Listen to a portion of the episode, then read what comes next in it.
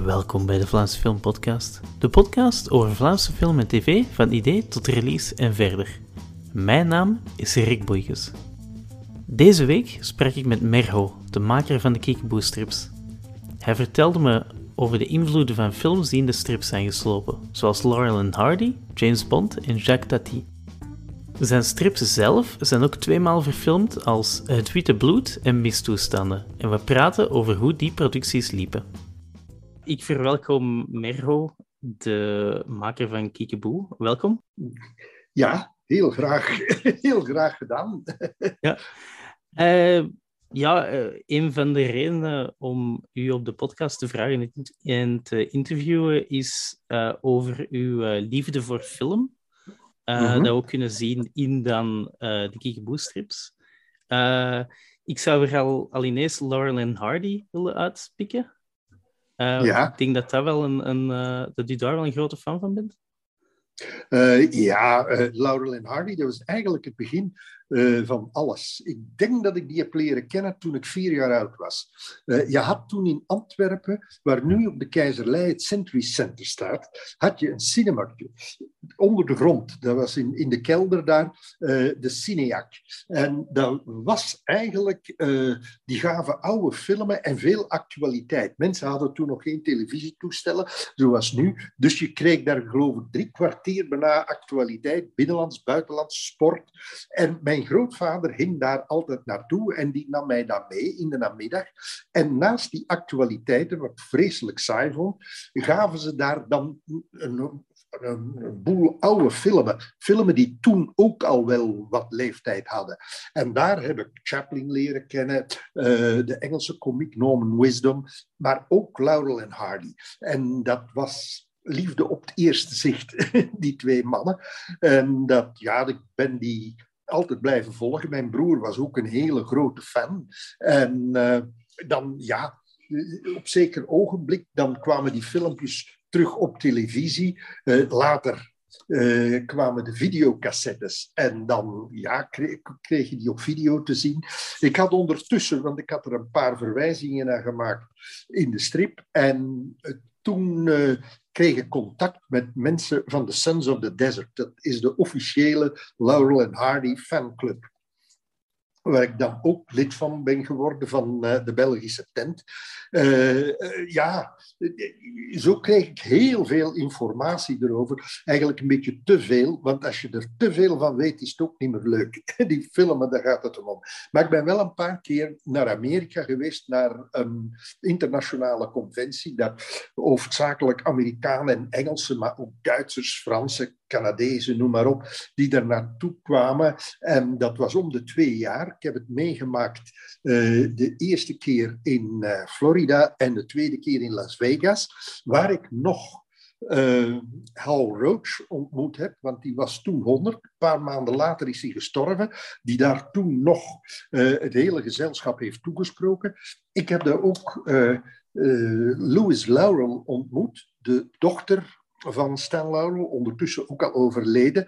En die heb ik nog een van de weinige Engelstalige uh, kiekeboes gegeven, uh, namelijk de Hey Go Lucky Affair. Dat is de vertaling van de zaak Luc Raak en dat gaat over een verloren geraakte Laurel en Hardy film. Dus ja, ik ben daar altijd wel mee bezig geweest. Het is nu wat minder. Af en toe ja, komt er zo nog wel eens een keer um, van YouTube een filmpje voorbij en dan kijk ik er nog eens naar. Maar ik blijf, ze, ik blijf ze geestig vinden, ik blijf ze goed vinden. Er is trouwens uh, vorig jaar of twee jaar geleden een zeer goede biopic uh, verschenen. Hè? Stan en Oli, naam van de acteurs, schieten me uh, direct te binnen. De um, Steve Coogan en ja. John C. Reilly, denk ik. Ja, klopt. en zeer goed gedaan. het ja, het klopt niet allemaal historisch wat erin komt, maar het, het algemene beeld is juist. en ja, ze zijn griezelig, nauwkeurig uh, zijn ze getypeerd, want na een paar minuten vergeet je dat je dus naar acteurs zit te kijken die ze spelen. Ja. Ik vond in die film ook, uh, ze, ze maakte tijd om ze van die, uh, terwijl ze dan bijvoorbeeld een koffer omhoog willen sleuren in een treinstation ja, ja, of zo, dan maakt ze tijd in de film zelf om dan zo de sketches zo boven te halen. Ja, en, en ze hebben die vrouwen uitgetekend. want op zeker ogenblik die manager zegt two double acts, acts for the price of, of one. En dat klopt niet, want uh, die rivaliteit tussen die vrouwen, dat hebben ze er een beetje aangedikt ja, voor de film. Want daar heb ik nooit iets van teruggevonden in de vele boeken uh, die ik over het tweetal gelezen heb. Maar voor de rest vond ik, het, vond ik het wel een zeer geslaagde film. Want er is een, aantal jaar geleden is er over Chaplin is er ook zo'n biopic gemaakt. En die vond ik echt niet zo goed. Uh, deze was veel, veel, veel sterker.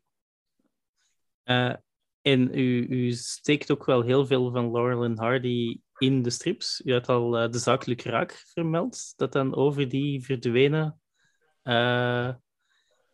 Laurel en Hardy ja. film gaat. Er zitten, er zitten een heleboel, ja, links en rechts zitten, zitten er altijd wel, wel, wel verwijzingen naar. Ik heb ze ook eens een keer als twee zwarte lijfwachten opgevoerd Oeli en Stan Stan in de Zwarte Zonnekoning. Uh, er komt, ja, nog een vraag. In, in uh, Schiet niet op de pianist, is een concertpianist is aan het spelen. Is een muziekziek aan het spelen.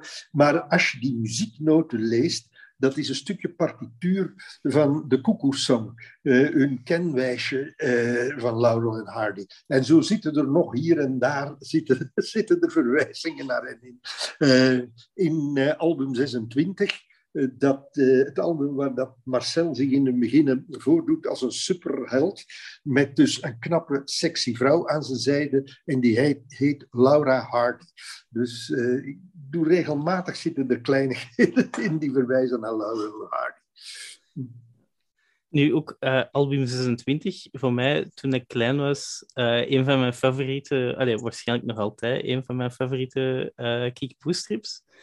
Dat is ook heel, heel meta, die strip.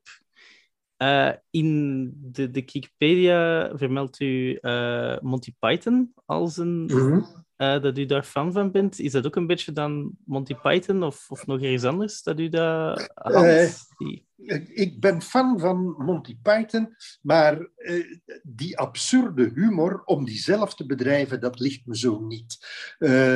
goh, ik, de, de, de humor, de slapstick van Laurel en Hardy en dan ook eigenlijk de woordhumor uh, die ik, goh, dat is dan van, een hele andere kant dat dat komt. Carmichael Bomans, dat waren mijn eerste held, ook Toon Hermans, Fons Jansen, mensen die met taal speelden. Dat is ook altijd iets wat ik graag gedaan heb en veelvuldig doe in, uh, in de strip. Maar echt invloeden van uh, Monty Python zitten er echt niet zo in. Ik heb wel John Cleese uh, wel eens een keer opgevoerd. Als, die heeft ook wel eens een cameo gekregen. Maar daar, daar stopt het eigenlijk mee. En ik heb ook wel eens... Uh, ja, dat heb ik ooit gedaan in, in, een, in een gag. Dat Marcel de Silly Walks van John Cleese imiteert. Dat heb ik ooit wel eens gedaan. Uh, in uh, James Bond. Ah ja, James Bond, James Bond komt ook langs alle kanten komt die, uh, komt die terug. omdat James Bond vind ik eigenlijk ja, de ultieme manier van hoe een strip gemaakt moet worden. Als stripmaker zeg je, ja, zo zie ik het voor me. Trouwens, Hergé heeft dat ooit gezegd, uh, jaren geleden, uh, dat als ze ooit Kuifje zouden verfilmen, dat het dan zag zoals een James Bond film gemaakt wordt. Dus dat is eigenlijk, dat is eigenlijk het, ultieme, het ultieme beeldverhaal. Uh, en James Bond. En er zitten ook, ja, naar James Bond, uh, naar Sean Connery heb ik, heb ik nou, You Only Live Twice, heb ik een paar jaar geleden een verwijzing gedaan. Dat helikoptertje, ik weet niet meer juist, die is uit een Roger Moore film, Little Nelly. Zo'n zo'n ding dat ze in elkaar zitten. Dat heb ik ook eens een keer gebruikt uh, in, een, uh, in een album. Uh, in, in een van de Australië-verhalen, geloof ik. Dus er komen ook regelmatig verwijzingen aan, naar Bond. Ik heb op zeker moment ook in mistoestanden dat Marcel zegt: Mijn naam is Boe, Kiekeboe. Dus. Mhm. Ja, ook uh, Timotheus Triangel is een, een kleine Blofeld. Ja, ja. Initieel, geïnspireerd op, op Blofeld. Eh, dat was eh, de, zo de ultieme megalomane schurk. En eh, die heb ik, ja, daar is die van, van in het begin, toen hij nog, nog een man was, was die daarop gebaseerd. Maar ik, ik was die figuur op een zeker moment een beetje beu. Het was wel uitgewerkt. En het is, ik ben op het idee gekomen, dat moet geweest zijn eind jaren 80, begin jaren 90. En ik zag op televisie, en dat ging toen al over transgenders, een programma. En toen, toen dacht ik, hey, laat ik die eens van geslacht veranderen. Dus was een van de eerste transgenders, bij mij weten, toch zeker in het Belgische beeldverhaal, eh, die is opgedoken.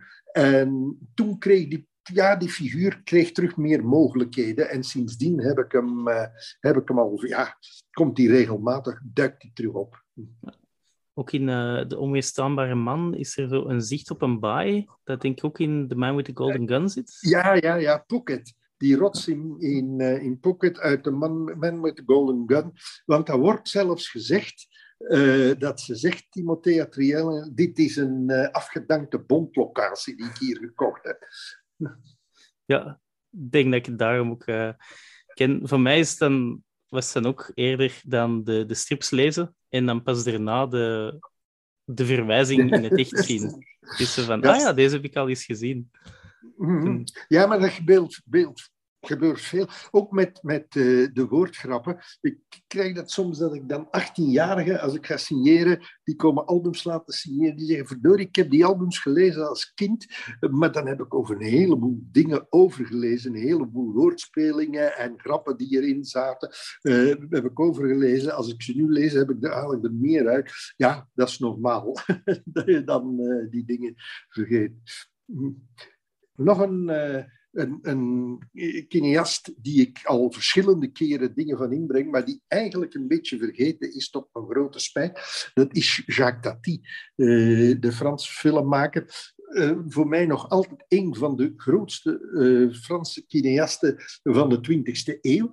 En heeft maar vier of vijf films gemaakt, maar was een geniale, geniale filmmaker. En daar komt uit verschillende films komen uh, locaties. Komen er, ik heb ook in Frankrijk ook, ook locaties bezocht. Uh, Saint-Sever-sur-Indre, waar zijn eerste film Jour de Fête is opgenomen. Daar zijn we ooit naartoe gegaan.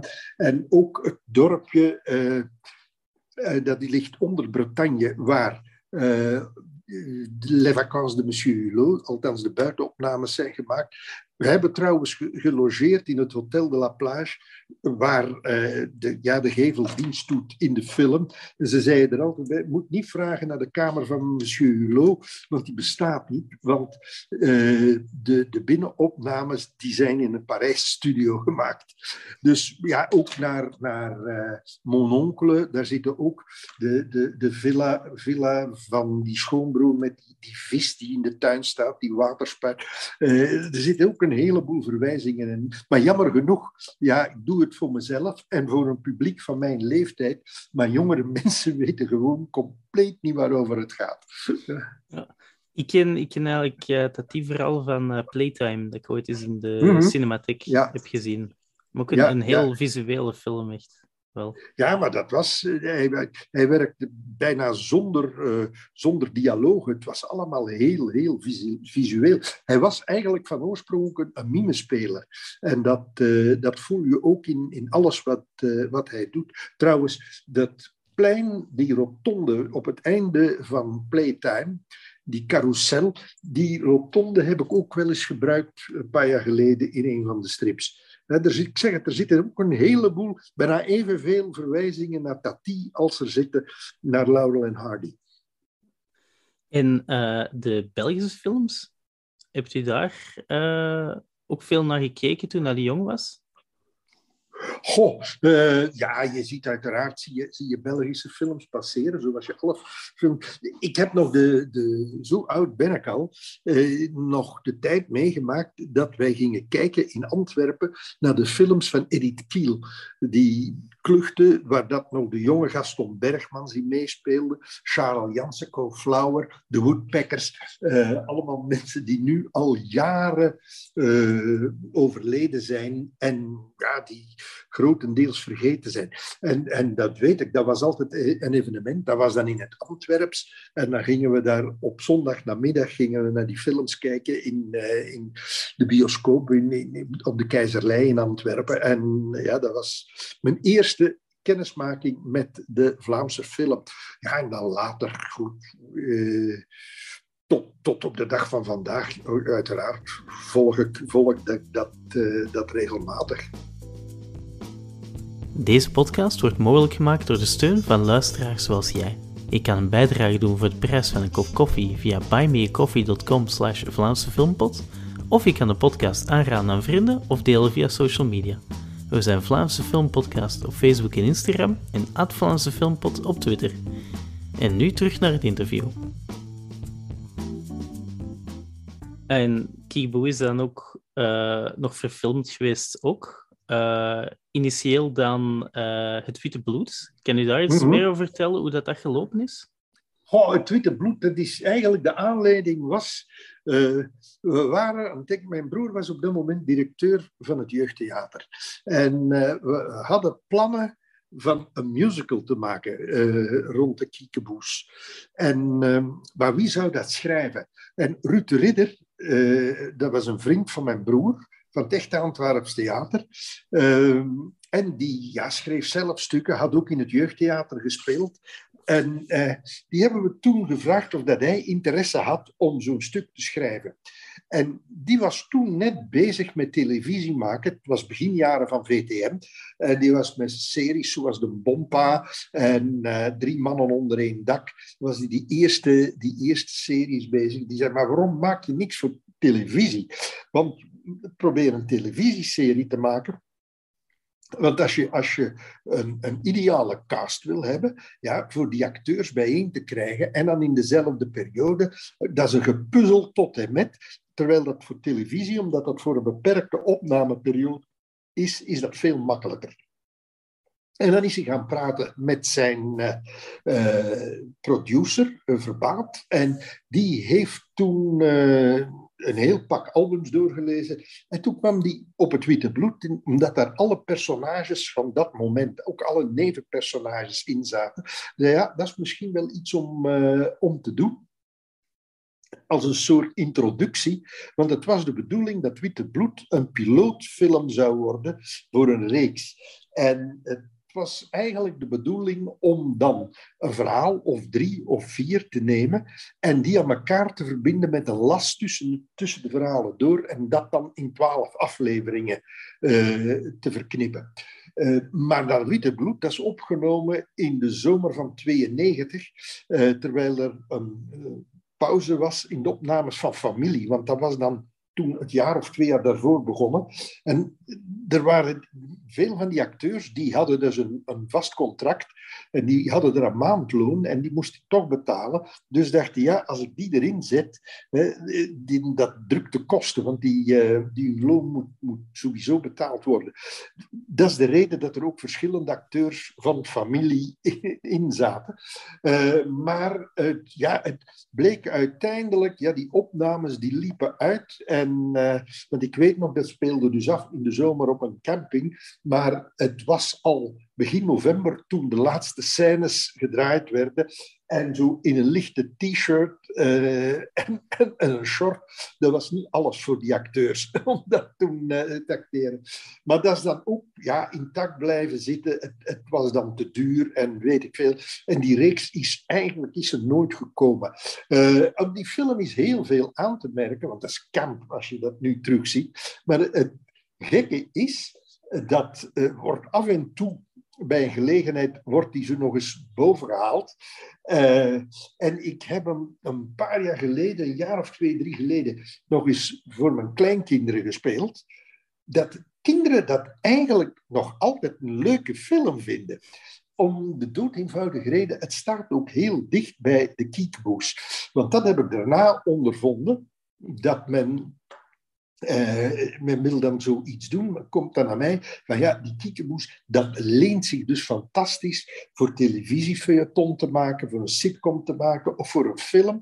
En uh, dan het eerste wat ze doen, dat is er van alles aan gaan veranderen. Die karakters worden veranderd, uh, ze willen de, de, de, meest gekke toestanden. En dat is me dus overkomen met de tweede film, met de mistoestanden.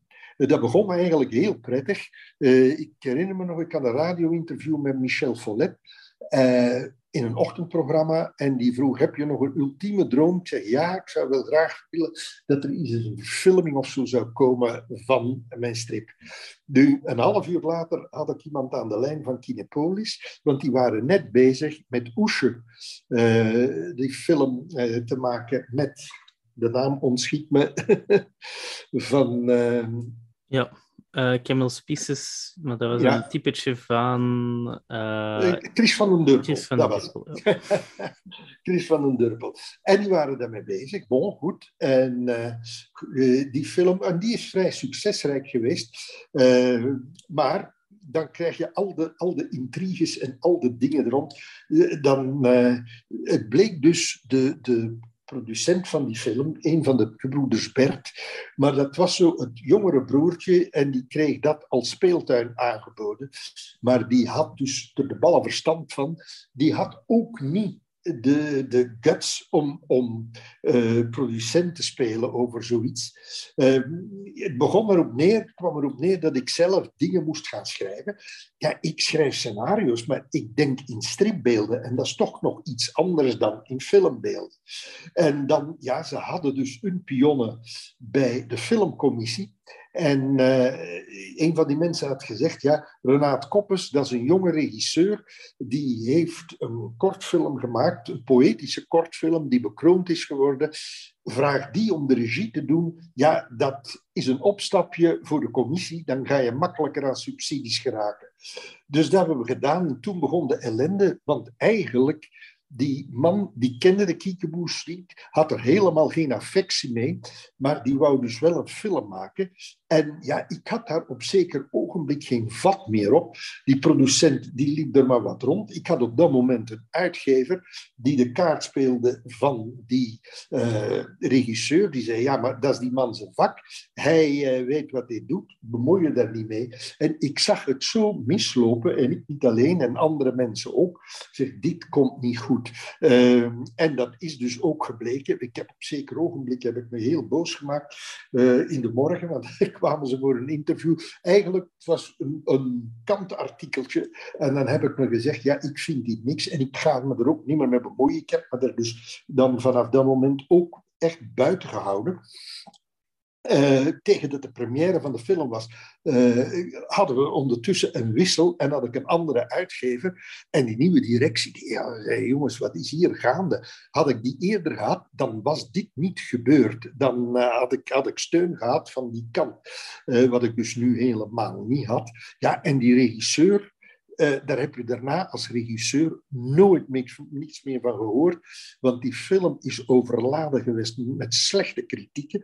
Uh, nader, naderhand heb ik gehoord dat Kinepolis zelfs even gedacht heeft om hem niet in roulatie te brengen, maar omdat standaarduitgeverij er dan ook financieel in geïnvesteerd werd, hebben ze toch gedaan. Ik denk dat hij drie, weken in, uh, in de bioscoop heeft gelopen en als hij alles bij elkaar 15.000 man heeft er, dat er naar zijn, zijn gaan kijken, dan is het veel geweest. Ik heb ook altijd mijn veto gesteld, hier gebeurt niks meer mee, dit komt nooit op DVD eh, uit. En dat is ook gebeurd.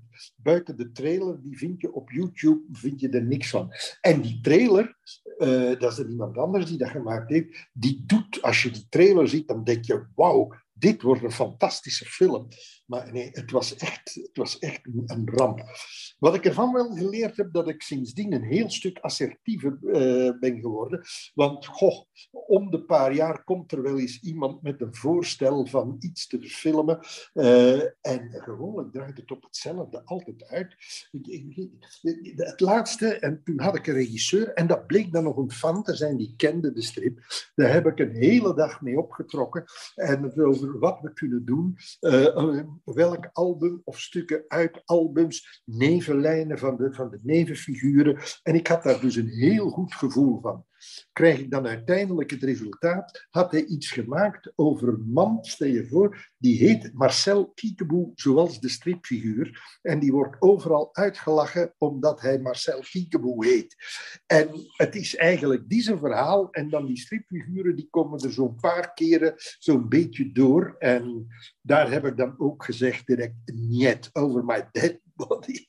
Dus dat is het verhaal met die verfilmingen. Maar eh, als, je, als je hoort, Ben Elton, de Engelse stand-up comedian en ook auteur, dus de man die trouwens Blackadder en, en, en zo geschreven heeft. Uh, die schrijft ook uh, boeken, thrillers, uh, maar op een heel geestige, geestige manier. En er zijn verschillende dingen van hem ook verfilmd. En die heeft eens gezegd, het is op een filmset zo dat de juffrouw die rondkomt met de koffie meer inspraak heeft over het scenario dan de man die het geschreven heeft.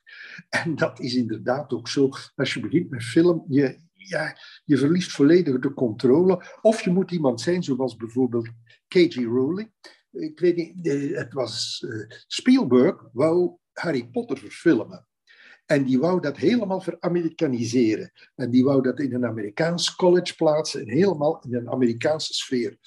En Rowling is gaan warselen. Die zei: nee, dat gebeurt niet. Als het verfilmd wordt, dan wordt het in het Engels, in een Engels college, en heel die Engelse sfeer moet erover hangen, uh, zoals ik het bedoeld en geschreven heb. En ze heeft haar been stijf gehouden. Natuurlijk, zij had wel wat te vertellen. En zij kon zich dat permitteren. En ze hebben het ook. Dus op zijn Engels gehouden. Ja, en uh, wat er daarna gebeurd is, heeft haar gelijk gegeven. Die film is, het, die reeks is een enorm succes geworden. Dus je ziet maar. Maar dat is het, dat is het gevaar ja, met die dingen, dat je op zeker ogenblik volledig, volledig de controle kwijtgeraakt. Ja. ja, er wordt wel eens gezegd dat allez, een, een film meerdere keren wordt geschreven. Het scenario wordt geschreven, dan als het gefilmd wordt, wordt het nog eens herschreven. En als het mhm. gemonteerd is, dan nog eens. En elk ja, ja. iteratief daartussen nog. Ik denk, ik denk dat er van, het, uh, van mistoestanden, voor men begin, begon te filmen, dat er uiteindelijk een twintigtal versies van geschreven zijn. Uh, het, bleef maar duren. En ik zeg het op een zeker moment heb ik er mijn handen afgehouden. Uh, want dit wordt toch niks. Trouwens, die regisseur die wou ook geen contact meer met mij hebben. Uh, ja, die deed maar. En ik, het grappige vind ik, in een van de interviews zegt hij, ik maak een film voor het bioscooppubliek. Niet voor die paar Kiekeboe-fans. Dat is hem toch zuur opgebroken, want er waren blijkbaar meer Kiekeboe-fans dan de doorsnee filmfans. En uh, ja, die hebben massaal afgehaakt. En buiten ja, zo'n arty-farty uh, kritiek in de standaard, is hij voor de rest overal, overal neergesabeld, neergesabeld tot en met. Ja, hij heeft het zelf over zich uitgeroepen.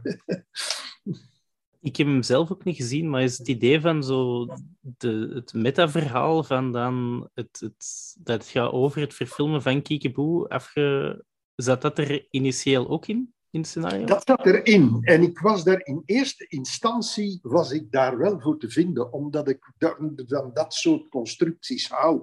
Uh, maar uh, toen bleek al gauw dat die regisseur heel de kiekeboes, heel dat gegeven wou gebruiken om een film te maken over zijn situatie. Een regisseur die eigenlijk artistieke films wil maken, maar die gedwongen wordt om een commerciële strip te verfilmen. En daar ging het hem over. en daar heeft hij mijn figuren voor misbruikt. En dat heb ik hem kwalijk genomen tot op de dag van vandaag. En dat zal ik hem blijven kwalijk nemen. Het enige positieve dat eraan was, um, en dat was, ik vertelde het interview dat ik met de morgen deed, uh, en dat, dat ik mijn gal heb uitgespuwd uh, tot en met, dat die uh, journalist zei, is dat eigenlijk is geen gegeven om een album over te maken. Ik zeg ja, eigenlijk wel. En toen, uh, toen is het idee beginnen te ontstaan van de Simpsons. de Simpsons, pardon, de Simpsons. Het is Simpsons en Flintstones bij elkaar getrokken.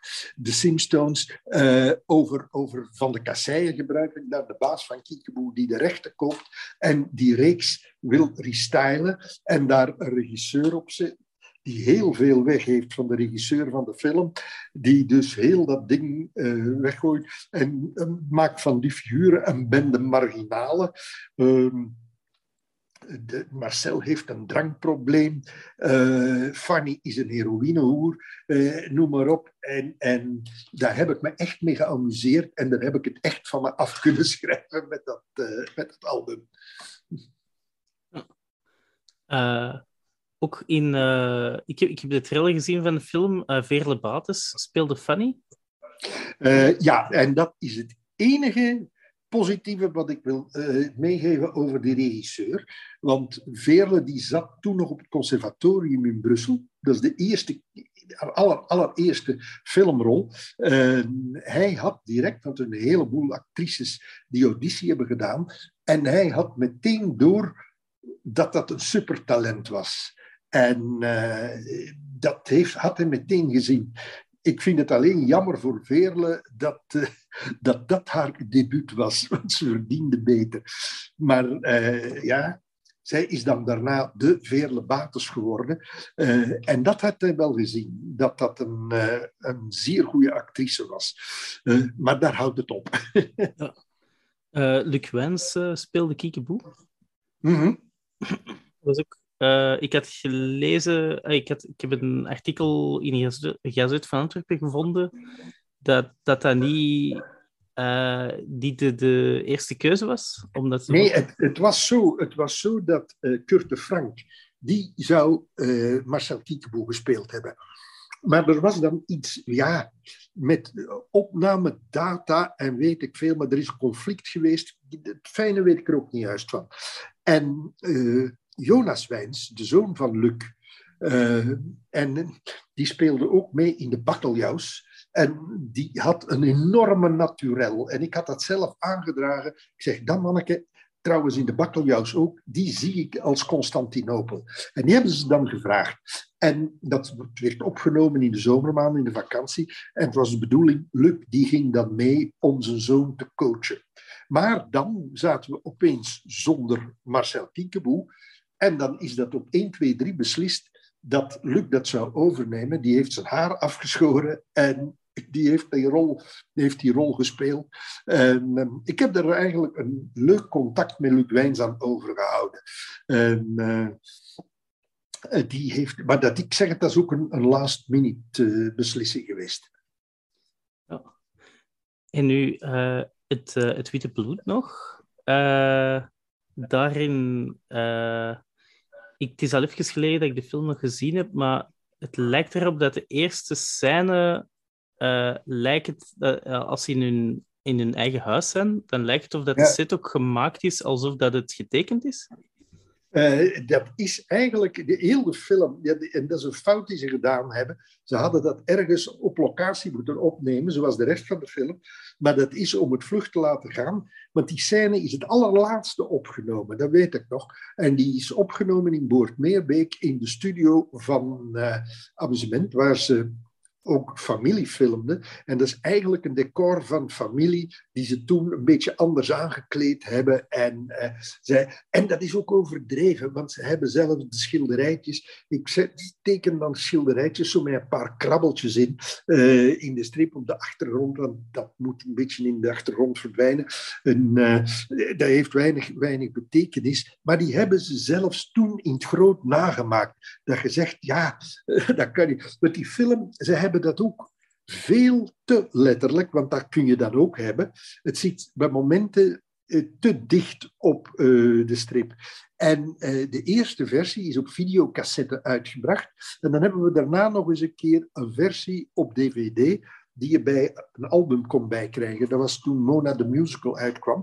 Kon je die dus voor 4 euro extra kon je die DVD krijgen. En toen ben ik bij de monteur gaan bijzitten. En dan heb ik ongeveer 20 à 25 minuten hebben we er uit het oorspronkelijke uitgeknipt nog. Uh, dat het een beetje snediger was, dat het, dat het wat meer, uh, dat er een beetje meer ritme in zat. Er komt een, een voorbeeld. Er zit een grapje in, maar dat is één prentje in de strip. Momo die s'nachts over de camping loopt en die loopt voorbij een caravan en dan zie je een man in zijn pyjama eh, op zijn knieën zitten onder die caravan en zijn vrouw staat in negligé, staat die in het deurgat en die is die karma, is die met een... Uh, dingen is die mij een spuitje aan het olie geven, dat die, die, uh, die veren van die camping, uh, van die caravan, is hij wel olie aan het geven. Nu, dat is in één prentje. In de film doen ze dat dan, dan laten ze een caravan zien en die staat er te wippen en met veel lawaai en dan zie je die man, die komt dan kwaad uit die caravan. Die vrouw staat in de deur en dan begint hij eronder, begint hij, uh, begint hij die dingen, die olie te spuiten. Ah, dat is veel te lang. Dat werkt zo niet. Als je dat in één prentje laat zien, in de achtergrond passeert dat. Dus dat heb ik er helemaal op uitgekapt met, uh, met de hermontage. Zulke dingen er zijn nog zulke zaken gebeurd. Dus het was iets te letterlijk verfilmd. Maar het bleef kiekjeboe, dat wel. Ja. Ik denk dat ik die versie ook uh, gezien heb van de DVD. Uh, ja. ja. ja, maar die, die is beter. Die is iets, iets snediger. Ja. En uh, ook Mona the Musical zit er volgens mij ook zo een, een regisseur-personage in die daar alles ah. naar zijn hand wil zetten.